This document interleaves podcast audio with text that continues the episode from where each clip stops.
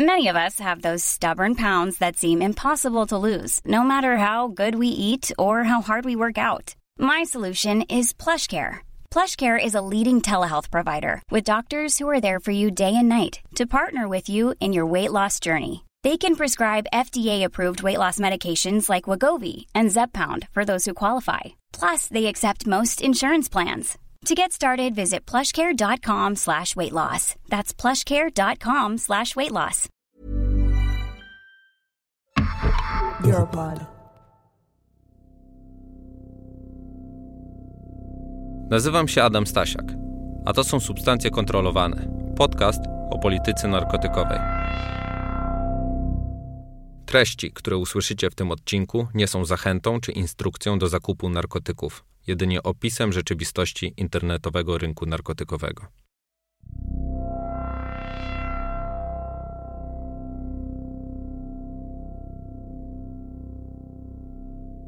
Nasz świat nieustannie się zmienia i digitalizuje, a pandemia COVID i lockdowny przyspieszyły te procesy, które i tak miały niebawem nastąpić.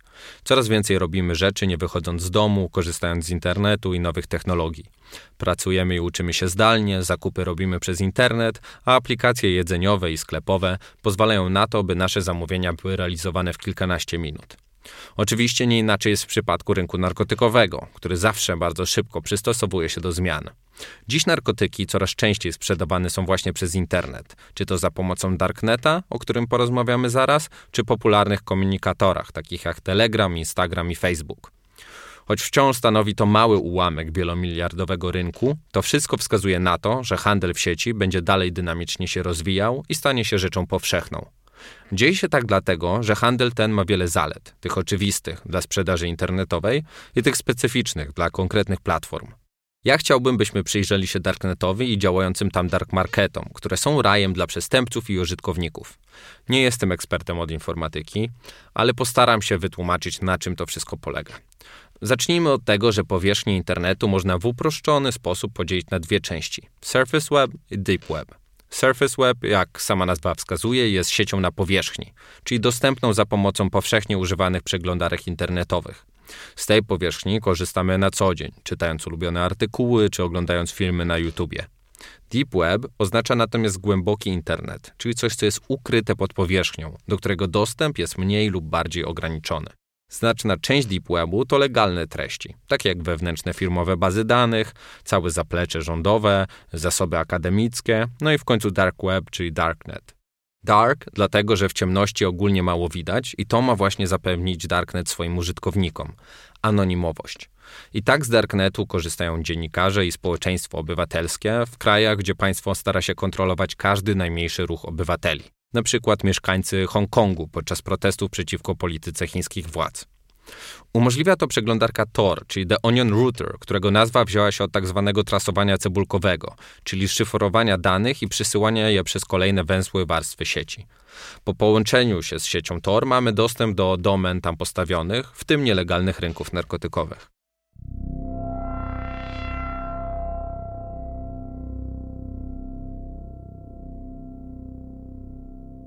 Zrobię Wam e, małą wycieczkę po rynku narkotykowym, e, zastrzegając jeszcze raz, że trzeba być świadomym tego, iż są to miejsca, w których czyha wiele niebezpieczeństw, od bardzo szkodliwych narkotyków, po osoby gotowe Was oszukać i okraść z pieniędzy, nawet nie wiecie, kiedy to się stanie.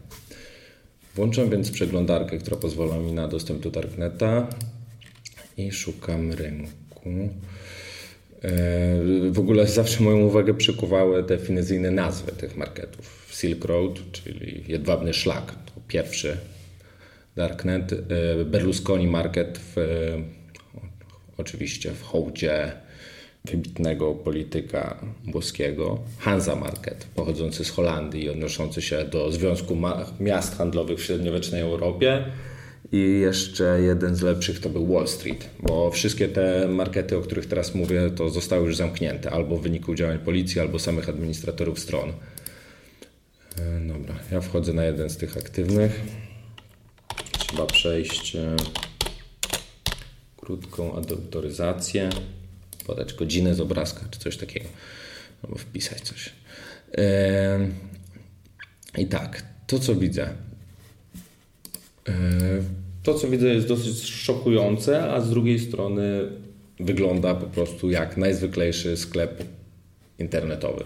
Na górze jakieś logo, napis, nazwa, login, register, po lewej menu, terms of service, about, contact, kategorie, narkotyki, e, lekarstwa na receptę, tutoriale, bankowość, oszustwa, inne, forum.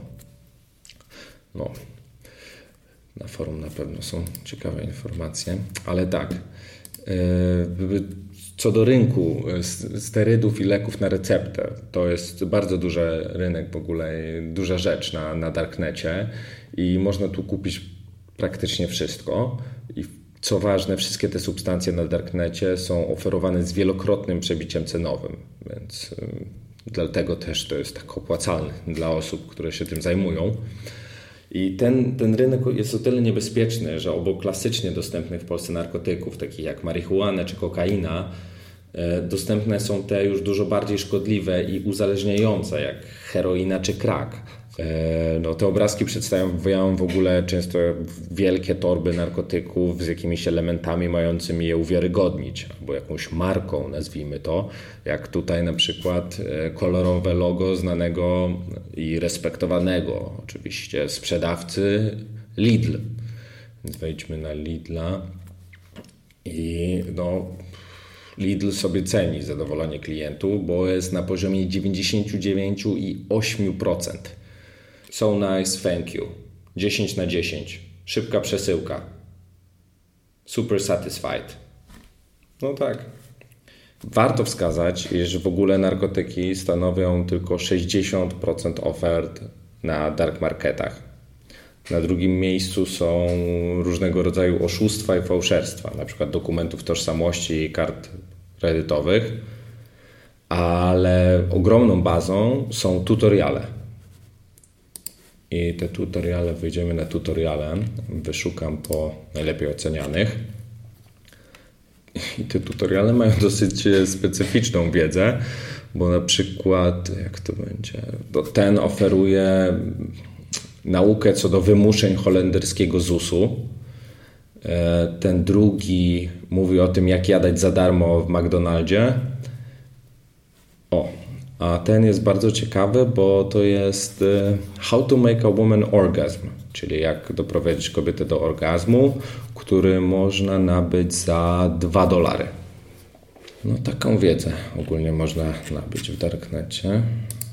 Co jeszcze istotne, to tu jest taka zakładka właśnie banking, dotycząca tych oszustw też. O, I tutaj znalazłem właśnie na przykład oferty kont bankowych na słupa, no, zarówno polskich, jak i europejskich banków, e, i które kosztują no, w zależności od konta, rodzaju konta, kilka tysięcy złotych. A jeszcze wejdźmy w oszustwa. Tak, a. Bo znalazłem coś tutaj bardzo na czasie, czyli francuski, czyli europejski certyfikat szczepienia na COVID. No, jest tutaj po prostu wszystko.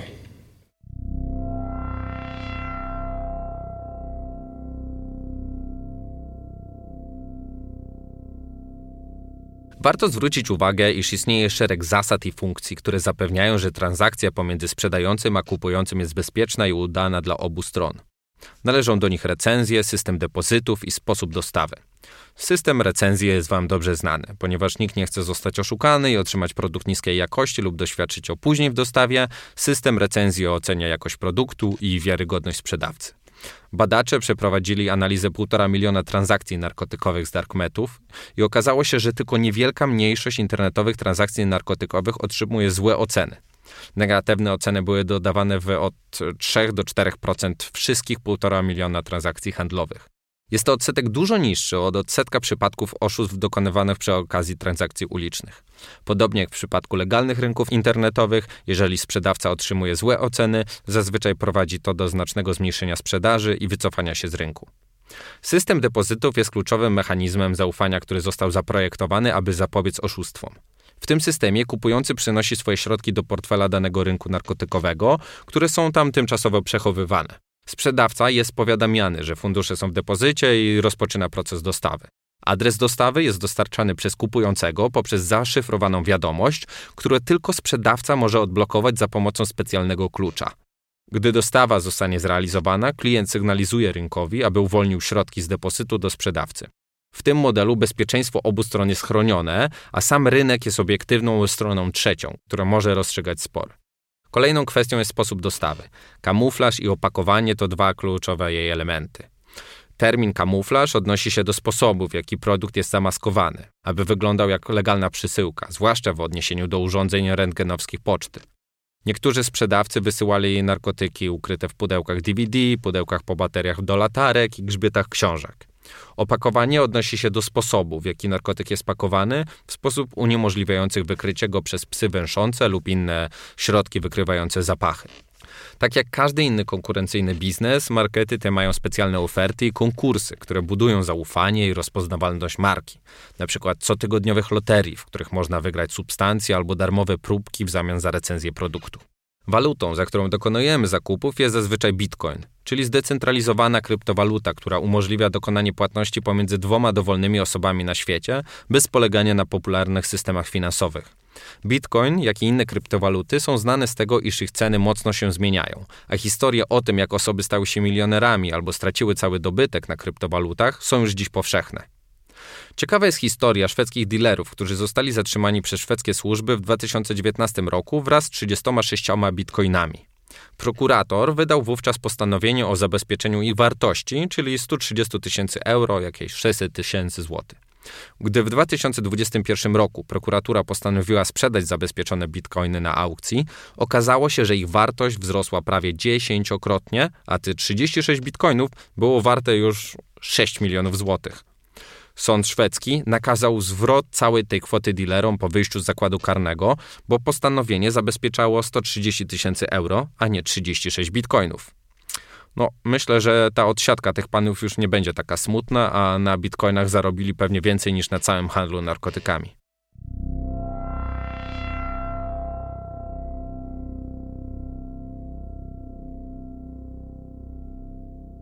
Oczywiście, takie ostentacyjne działanie jak prowadzenie narkotykowego eBaya czy Allegro spotkało się z zdecydowaną reakcją władz. Jak się domyślacie, nie jest to łatwe, bo ich istotą jest anonimowość użytkowników, w tym sprzedawców. Rynki darknetowe rozbijane są raczej poprzez wpadki administratorów stron, np. niewystarczającą dbałość o jakiś element anonimowości bądź handel narkotykami w realnym świecie, który zakończył się interwencją policji i fizycznym zatrzymaniem serwerów. Europol przyznaje jednak, iż zamknięcie największych rynków narkotykowych w 2017 roku nie miało żadnego długotrwałego wpływu na internetowy rynek narkotyków. Poziom obrotu narkotykami wracał do tego sprzed zamknięcia sklepu internetowego zazwyczaj w ciągu kilku tygodni, maks do dwóch miesięcy. Natomiast procesy osób zamierzanych w te platformy mogą trwać nawet lata. Choć żywotność platform jest dosyć krótka, bo trwa od kilku miesięcy do czterech lat, to cały system rynków narkotykowych rozwija się dynamicznie, głównie w związku z tak zwanym efektem hydry. Gdy zamknie się jeden sklep, pojawia się kilka nowych na jego miejsce. I tak, według ich szacunków, od zamknięcia Silk Roadu w 2013 roku powstało 100 nowych marketów narkotykowych. Tylko 14 z nich zamknięto z powodu działań organów ścigania, a jedna trzecia została zamknięta w związku tzw. Tak exit scamem. Oszustwem polegającym na tym, iż operatorzy rynku nagle zamykają stronę, zabierając całe środki zgromadzone w depozycie. Tym samym większym zagrożeniem dla użytkowników tych portali są oszuści, którzy chcą ukrać ich środki finansowe, niż policja, która jak na razie nie potrafi poradzić sobie z obecnym problemem. Oczywiście nie jest to nic wyjątkowego dla Darkneta, tak jak wiecie, w konwencjonalnym rynku narkotykowym jest dokładnie tak samo. Policja aresztuje dealera, a na jego miejsce pojawia się nowy i tak w kółko. Dużo bardziej za to narażeni są sami użytkownicy, kupujący substancje, bo choć trudno jest zamknąć internetowy rynek narkotykowy, to policja regularnie znajduje przesyłki zawierające narkotyki, które doprowadzają je do osób, które je zamówiły.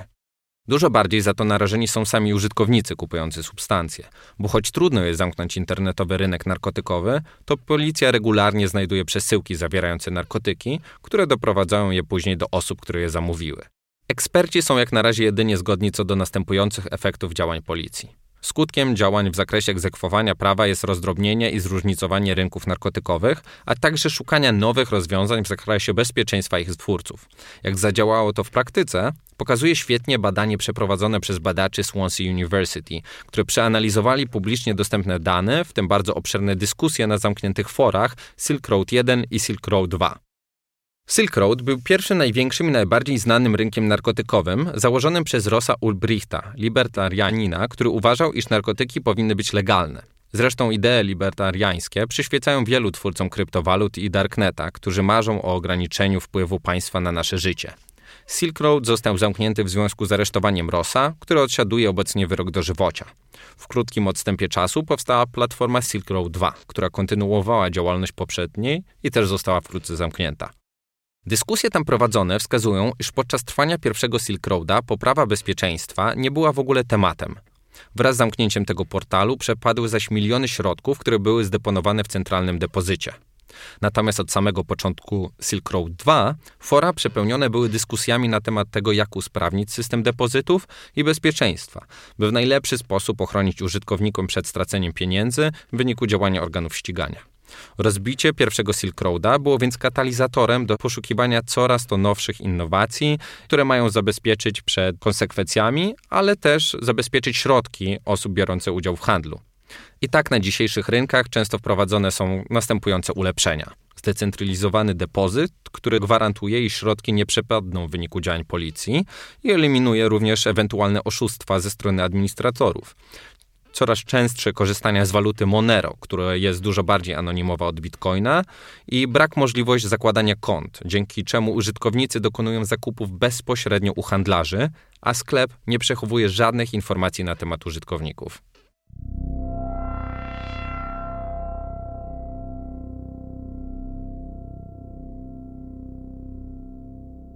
I choć ten rynek narkotykowy szokuje, szczególnie, że można tam kupić wszystko, to obecnie jego wartość w Unii Europejskiej to niewiele ponad 100 milionów euro rocznie, podczas gdy ten konwencjonalny rynek jest wart 30 miliardów euro.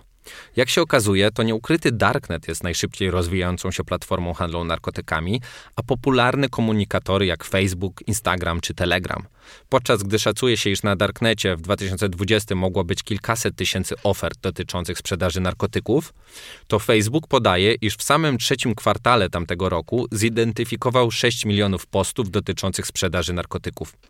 94% z nich została zablokowana przez sztuczną inteligencję przed pojawieniem się na platformie, ale prawie 400 tysięcy zostało zdjęte dopiero po interwencji użytkowników portalu. Oczywiście mowa wyłącznie o zidentyfikowanych postach. Co więcej, okazuje się, że algorytmy Instagrama i Facebooka pomagają nawet w dotarciu do dealerów. W jednym z badań badacze założyli konta jako 13 i 15-latkowie. Wystarczyły dwa kliknięcia, by dotrzeć do kont, które deklarowały, że sprzedają narkotyki. Od MDMA po zabójczy fentanyl. By wylogować się z konta, potrzebne było pięć kliknięć. Wszystko to za sprawą hashtagów, które same przekierowywały użytkowników w stronę dealerów. Zarówno organizacje pozarządowe, jak i Europejskie Centrum Monitorowania Narkotyków i Narkomanii wskazuje, iż nadmierna walka z darknetem doprowadza do tego, iż coraz więcej osób przenosi się z darknetu i zaczyna korzystać ze wspomnianych wcześniej komunikatorów, które eliminują niektóre z pozytywnych aspektów rynków narkotykowych w darknecie. Po pierwsze, narkotyki tam sprzedawane są zazwyczaj dobrej jakości, co oczywiście wiąże się z systemem recenzji, a sprzedawcy, którzy oferują trefne narkotyki, zazwyczaj są zbanowani z tych stron. Często sprzedawcy sami z siebie dołączają ostrzeżenie, jeżeli narkotyk jest wyjątkowo czysty i mocny, umożliwiając użytkownikom bardziej świadome zażywanie substancji. Jest to ważne, ponieważ niektóre szkody związane z narkotykami wynikają z niepewnej zawartości ich mocy, co stwarza ryzyko niepożądanych skutków lub przedawkowania. Po drugie, kupowanie narkotyków online zmniejsza ryzyko przemocy narkotykowej, co wynika z tego, iż sprzedaż prowadzona jest na odległość, a grupy przestępcze muszą rywalizować oferując lepszy produkt, a nie przemocą walczyć o kontrolę terenu. Handel ten eliminuje również bezpośredni, nierzadko stresujący kontakt pomiędzy sprzedawcami a użytkownikami. Istotne jest jednak, by wspomnieć o tym, że niezależnie od tego, czy handel odbywa się online czy konwencjonalnie, to nie eliminuje on brutalnej przemocy, która ma miejsce w krajach producenckich. No i ostatnia kwestia, czyli redukcja szkód. Fora dyskusyjne na tych rynkach stanowią niezastąpione źródło informacji na temat zażywania określonych substancji, czy to leków na receptę, czy narkotyków. Takie szczegółowe informacje są zazwyczaj niedostępne, a nawet zakazane na ogólnodostępnych platformach. Ciekawą działalność na rynkach internetowych prowadzi przykład Energy Control, hiszpańska organizacja zajmująca się ograniczeniem szkód związanych z zażywaniem narkotyków. Z jednej strony zamawiają narkotyki z darkneta i je testują, informując administratorów stron o niebezpiecznych substancjach, a z drugiej współpracują z lekarzami, którzy odpowiadają na pytania użytkowników na forach internetowych jak radzić sobie z efektami ubocznymi, jak stosować określone narkotyki przy zaburzeniach psychicznych, czy poradami dla uzależnionych kobiet w ciąży lub karmiących piersią. W Polsce taką działalność prowadziła i prowadzi społeczna inicjatywa narkopolityki, której Facebook został zablokowany za prowadzenie grupy ostrzegającej o niebezpiecznych substancjach dostępnych na polskim rynku. Sin zresztą chciał wprowadzić projekt, w którym badałby te substancje. Niestety nie doszło do tego skutku, bo dla polskich instytucji jest to jednoznaczne zachęcaniem do ich używania. No i tak w kółko. Czy są polskie internetowe rynki narkotykowe? Tak. Polski darknet też jest pełen ciekawych treści, ale czytając forum i posty administratorów i ich użytkowników, pełen podziwu dla ich wiedzy i umiejętności informatycznych, nie będę podawał żadnych nazw.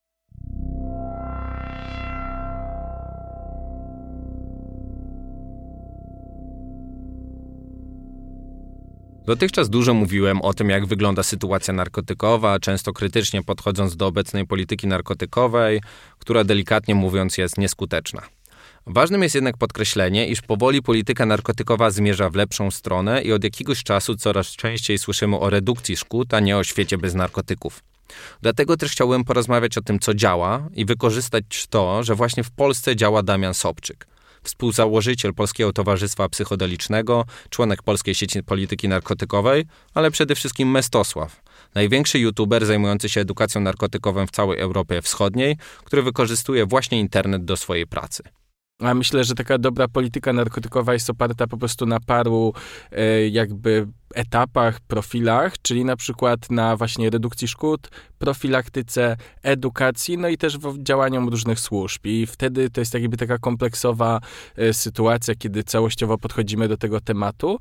No i właśnie redukcja szkód jako jedna z tych mm, dziedzin e, jest taką trochę niedocenianą dziedziną, trochę nieczęsto zrozumianą, no bo redukcja szkód wychodzi z założenia, że ludzie używają substancji psychoaktywnych i będą to robić niezależnie jak ostre będzie prawo, restrykcyjne, czy z jakimi konsekwencjami będzie się to wiązało, więc takim najważniejszym zadaniem, które można wykonać, to jest po prostu zminimalizować szkody, które są powodowane przez niektóre substancje psychoaktywne albo nadużywanie substancji psychoaktywnych, ale ja bym sobie życzył, żeby w szkole ta edukacja była bardziej systemowa, bardziej um, jakby sprofilowana na zasadzie, że naprawdę mamy konkretne lekcje to już e, pozostaje pytanie, czy to powinno być na jakichś e, godzinach wychowawczych, czy jako oddzielne, dodatkowe zajęcia, bo też jest taka możliwość, szkoła może takie rzeczy prowadzić, e, tylko żeby to było według pewnego usystematyzowanego programu, który mówi o zagrożeniu substancjami psychoaktywnymi, jakie najbardziej zagrożenia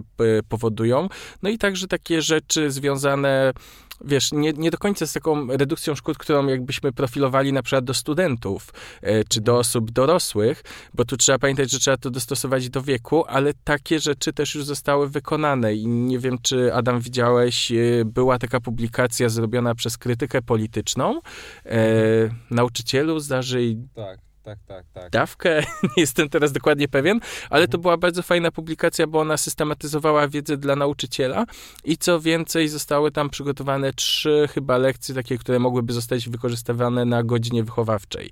I właśnie mniej więcej dla mnie to jest taki przykład fajnie prowadzonej edukacji, bo naprawdę e, podkreśla szkody, mówi też, że nie wszystkie substancje są takie same, a zarazem też, nie wiem, przekazuje takie informacje, które są kluczowe także czasem, jak na przykład nie ulegać presji grupy, mm, kiedy decydujemy sami o sobie, że też nie zawsze na wszystko musimy się zgadzać.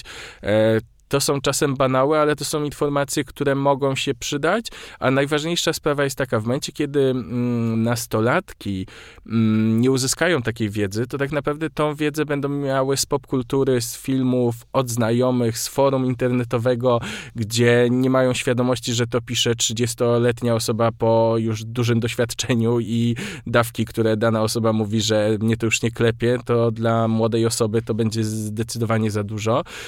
Więc tego szczególnie brakuje takiego pewnego systematyzowania.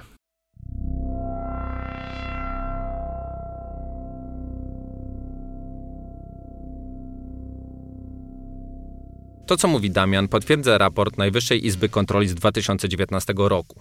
Pozytywnie ocena on działalność Krajowego Biura do Spraw Przeciwdziałania Narkomanii, które teraz po połączeniu z alkoholowym odpowiednikiem nazywa się Krajowe Centrum Przeciwdziałania Uzależnieniom. Jednostki te poszerzyły znacznie bazę rekomendowanych programów profilaktycznych opartych na wiedzy naukowej i o potwierdzonej skuteczności. Problem polega jednak na tym, że województwa i gminy oraz szkoły pod ich opieką nie stosują tych programów. Spośród 234 badanych szkół, w których zrealizowano programy profilaktyczne, mniej więcej w połowie nie zrealizowano żadnego rekomendowanego. Jak wskazuje NIK, najczęściej przeprowadzono tzw. Tak pogadanki, czy imprezy plenerowe. Chyba każdy wie, jak to wygląda. Do szkoły przychodzi eks-użytkownik albo policjant, który jeszcze parę lat temu opowiadał o tym, jak po marihuanie widzi się różowe słonie, czy z mózgu robi się jajecznicę. To jest jak z edukacją seksualną w polskich szkołach. Najlepiej po prostu nie uprawiać seksu i nie używać substancji psychoaktywnych. Dlatego też działalność edukacyjna, którą prowadzi Mestosław, czy na przykład społeczna inicjatywa narkopolityki jest taka ważna. Dzięki niej młodzi ludzie mogą pozyskać rzetelne i ważne informacje, przedstawione w niestygmatyzujący sposób. Straszenie narkotykami nie pomaga. Przecież ludzie przyjmują alkohol i inne substancje psychoaktywne, pomimo tego, że mogą być szkodliwe, ponieważ dają im one wymierne korzyści. Wywołują uczucie przyjemności, niwelują ból czy niepokój. Jeżeli tłumaczymy młodzieży, jakie są straszne, a potem oni je próbują i okazuje się, że lubią ich efekt, to trudno im uwierzyć w pozostałe informacje, które są przekazywane w takich pogadankach, chociażby te o prawdziwych negatywnych skutkach zażywania. Imponuje również zasięg materiałów, które tworzy Mesto, bo obejrzane były one łącznie 22 miliony razy, a jego filmy mają nawet po 300-400 tysięcy wyświetleń, podczas gdy kosztujące dziesiątki tysięcy materiały informacyjne produkowane przez instytucje publiczne mają zazwyczaj po kilkanaście tysięcy wyświetleń. Jest bardzo ważne, by państwo nadrobiło te zaległości, bo to właśnie z internetu młodzi ludzie czerpią najczęściej wiedzę o narkotykach. Aż 60% młodzieży właśnie tam jej szuka uważam po prostu, że ta twoja działalność no, jest bardzo istotna i to do jakiej grupy osób w ogóle potrafisz dotrzeć, to jest to tak naprawdę powinien być no, skarb dla Krajowego Biura Przeciwdziałania Narkomanii. Już e, dawno pewnie wszyscy myślą o, nie wiem czy z ich strony, ale po naszej stronie o tym, że powinna być pomiędzy wami jakaś współpraca i dlatego wspominam o tych liczbach, bo z ciekawości sobie wszedłem na YouTube i tam są różne materiały, które są e, przez e, na przykład e, Wojewódzki Inspektorat Sanitarny tam na przykład jest 8 tysięcy. O, o ktoś, ktoś dał pieniądze na to, kogoś zatrudnił, pewnie jakąś osoba, która też ciekawie o tym opowiada. Na innym materiały, nie wiem, czy pamiętasz, z, z GIS-u tam e, oddalam to pytanie, tam było 160 tysięcy, ale to właśnie wydaje mi się, że sto, te 160 tysięcy polega na tym, że to jest po prostu no, śmieszne, tak, w jakiś sposób. I, i, i, cieka- i to jest niesamowite według mnie, że, że potrafisz dotrzeć do takiej ilości osób, a programy, które wymagają ogromnego nakładu finansowego, menadżerów, projektów, one tak naprawdę mają wielką trudność do, z dotarciem do, do młodych ludzi, bo to jest trudne w ogóle. Do, trudno jest zrobić dobry program, który ma trafić do, do młodych ludzi. To ja się tutaj zgodzę i rzeczywiście, wiesz co, dawno o tym nie myślałem, ale e, 4-5 lat temu była kampania chociażby społeczna oczekiwania kontra rzeczywistość. Ona była chyba właśnie sponsorowana przez GIS, e, całkiem fajnie zrealizowana technicznie trochę problem z przekazem i z informacjami, które tam się pojawiały, ale to właśnie była kampania, której budżet miał 3-4 miliony złotych i jestem praktycznie pewien, że cały zasięg to może był milion jakby tych wyświetleń na YouTubie. Nie jestem dokładnie teraz pewien. To nie były, to było dość sporo, bo te filmy trochę niektórzy wchodzili, żeby się pośmiać z tego, e, więc też spełniło taką rolę nabijania wyświetleń ale e, i to jest w kategorii kampanii, którą można mówić, że odniosła sukces frekwencyjny, taki, że została zauważona, że media o niej powiedziały, ktoś o niej napisał. I pamiętaj, że to jest właśnie 3-4 miliony złotych. Więc to dotarcie, które jakby udało mi się wygenerować organicznie i to dlatego, że ludzie mi zaufali, jest rzeczywiście jakby cennym kapitałem. I tutaj, tak jak wspomniałeś o Krajowym Biurze, to też mam takie ciekawe mm, jakby historie z tym związane, no bo oczywiście funkcjonujemy w tym samym ekosystemie systemie. Miałem różne okazje e, na różnych konferencjach, przy różnych akcjach, chociażby fundacyjnych, e, kontaktować się z osobami z Krajowego Biura, więc oni też wiedzą o moim istnieniu. I tak nigdy jakoś wprost za bardzo nie rozmawialiśmy o moim kanale, ale dostawałem czasem wiadomości od osób z Krajowego Biura, które gdzieś tam bardziej były mi sympatyczne, że na przykład w danej jednostce w biurze była rozmowa na mój temat i że jest taka frakcja progresywna, która mówi, że byłoby super, a jest grupa, która mówi, że to kontrowersyjne i nie wiadomo. Tak, tak, tak. Więc może takie zmiany zajdą kiedyś.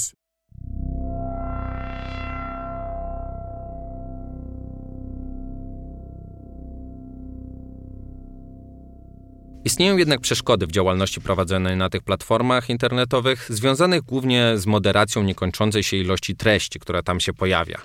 Proces moderacji jest zazwyczaj dwuetapowy. Premoderacja ma miejsce przed publikacją treści oraz postmoderacja, która oczywiście dotyczy treści już dostępnych.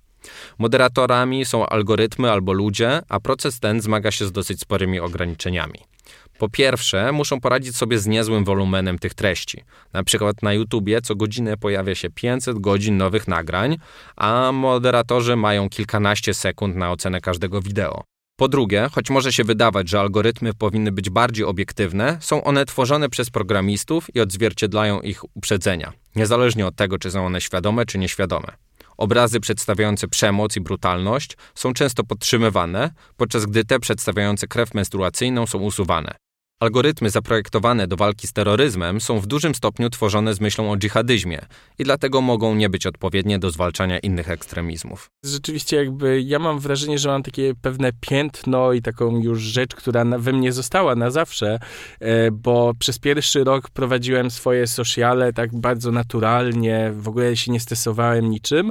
Mm, później jak dosłownie po e, prawie roku prowadzenia kanału został on usunięty, to jeszcze w sytuacji sytuacji, jak zrezygnowałem z poprzedniej pracy, bo kazali mi wybrać, czy robię kanał, czy zostaję w pracy, e, to od tamtego momentu mam taki delikatny strach, który się czasem nasila, czasem nie, e, dotyczący tego, że w każdej chwili mogę wyjść teraz na przykład z tego naszego nagrania, zalogować się i zobaczyć, że mojego kanału nie ma, mojego Instagrama nie ma, mojego Facebooka. To jest tak, że trochę tego czasu minęło, e, ale to jest tak, że na YouTubie polityka wygląda mniej więcej tak, że możesz dostać trzy y, strajki, to są takie jakby informacje, że film naruszył wytyczne i jeżeli dostajesz takie trzy, to po prostu twoje konto zostaje skasowane. Y, ta sytuacja była też w takim bardzo trudnym momencie dla YouTube'a, kiedy było bardzo dużo problemów y, z bajkami, w których występ były rysunkowe, jakby występowały postacie z bajek, ale tak naprawdę były to treści dla dorosłych i to krążyło po YouTubie i to zajmowało bardzo dużo czasu moderacji. To była tak zwana Elza Gate, więc to też się strasznie bawiło, ale okazało się, że taka sytuacja mogła mieć bardzo duży wpływ na moje życie, bo ja na przykład y, dostałem jakiegoś takie ostrzeżenie, odwołałem się od niego i na przykład ten proces odwołania trwał trzy tygodnie, cztery, w międzyczasie dostałem kolejny, już czułem, że kurczę, jeszcze tylko jeden i nie mam tam tych rozpatrzonych i mój kanał nagle znika. I to jeszcze było w święta Bożego Narodzenia, siedziałem przy stole z rodziną, więc to było takie mega creepy. Y, wtedy też w ogóle bardzo bardzo się cieszę, no bo udało się przywrócić kanał. Tutaj też nie wiem, nie wiedziałem co robić, więc po prostu do jakichś mediów się odzywałem, e, pisałem jakaś sytuacja, no i wyszło rzeczywiście bardzo ciekawie, bo z takich rzeczy, które mocno pamiętam, no to Noise o tym pisał, ale Noise wspierał mnie w ogóle przez dużo czasu mojej działalności i bardzo rozumie tą tematykę, ale pojawiły się też materiały w tygodniku Polityka, e, cała rozmowa ze mną, bardziej nie roz... no, na, na podstawie rozmowy zrobiony artykuł, e, był artykuł w Rzeczpospolitej, w której wypowiadał się rzecznik praw obywatelskich, więc ja byłem w ogóle bardzo zaskoczony, jak to zadziałało i rzeczywiście udało się, ten kanał został przywrócony ale przez te y, lata późniejsze takich y, strat kanału miałem chyba z pięć lub sześć. One najczęściej wynikały właśnie z tego, że było nie do końca zrozumienie m, co do treści. Były jakby spory między mną a YouTube'em, czy na przykład treści dotyczące y, testów kolorymetrycznych są szkodliwe społecznie, czy nieszkodliwe społecznie. I tutaj tych sytuacji było sporo. Mam wrażenie, że po ostatnim, a i żeby było jasne, mój pierwszy kanał, który został usunięty, to się nazywał Wiem co ćpiem i on zniknął z YouTube'a i po prostu wrócił po jakimś czasie, po roku chyba dopiero został jakby ostatecznie przywrócony.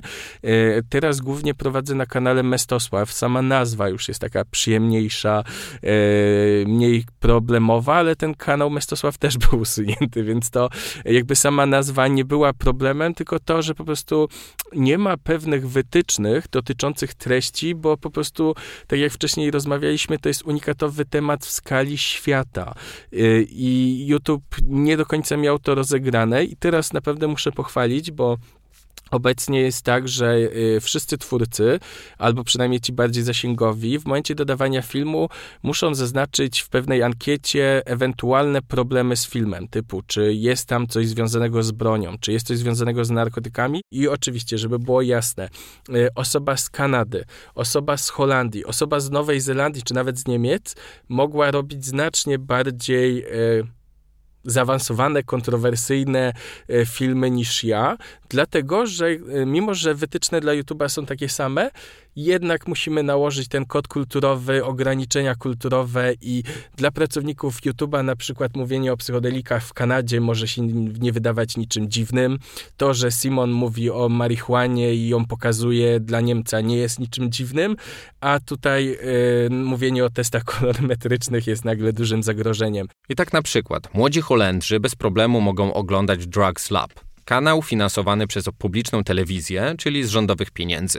W programie tym młode osoby przyjmują na wizji najróżniejsze substancje psychoaktywne kokainę, LSD, a nawet prowadzą samochód pod wpływem alkoholu. Opisują przy tym ich działanie, pozytywne efekty, ale oczywiście też mówią o zagrożeniach z nimi związanymi. Wspomnijmy też o tym, że jeżeli, popraw mnie, jeżeli źle mówię, jeden z twoich e, filmów, który został, twój kanał został zablokowany i film usunięty, był e, e, we współpracy z Polską Akademią Nauk, i tego samego roku dostałeś e, nagrodę twórcy roku YouTube'a? Czy następnego? E, tak, w tym samym no, w tym czasie samym. mniej więcej. To musi być ciężkie do tak, zrozumienia. Tak, Właśnie tak. widać, że to, to, to nie jest konsekwentne w ogóle, tak? Z jednej strony nagradzają cię, a z drugiej zablokują ci konto, więc jakby tak. daleka droga jest pomiędzy którymiś tam e, oddziałami YouTube'a. I rzeczywiście i to w moim e, życiu było bardzo też... E, no, powodujące dużo sprzecznych emocji, bo zarazem cieszę się z sukcesu, później chwilę, później nie mam kanału, potem znowu cieszę się z jakiegoś sukcesu. Nie wiem, jak przypływy i odpływy oceanu po prostu. Więc to no. też tak ciekawe. Yy, a, ale tak, tu, tu było trochę sprzecznych. Teraz na półce za sobą, jak nagrywam, mam rzeczywiście dwie nagrody. Jedną za kanał Wiem Co Ćpiem, yy, a drugą za kanał Mestosław, który musiałem założyć, bo Wiem Co Ćpiem został usunięty. Mamy więc sytuację, w której z jednej strony na internecie powszechnie dostępne są nielegalne narkotyki, a z drugiej usuwane są bądź ograniczane treści edukacyjne, które mają ograniczyć szkody związane z zażywaniem tych substancji.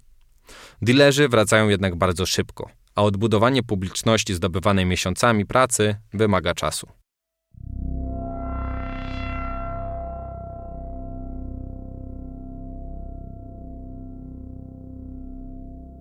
Postęp technologiczny jest katalizatorem zmian w polityce narkotykowej. Zmieniają się wzorce zakupowe użytkowników, a z nimi formy handlu narkotykowego.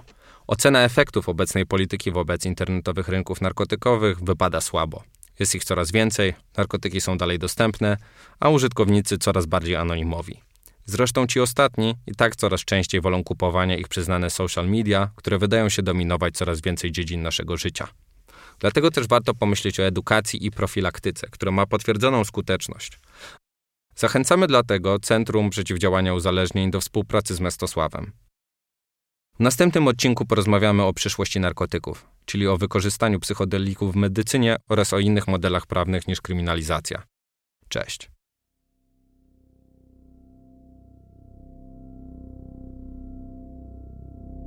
Substancje kontrolowane podcast dla projektu Sfera, dostępny na platformie podcastowej Europod i wszystkich platformach streamingowych.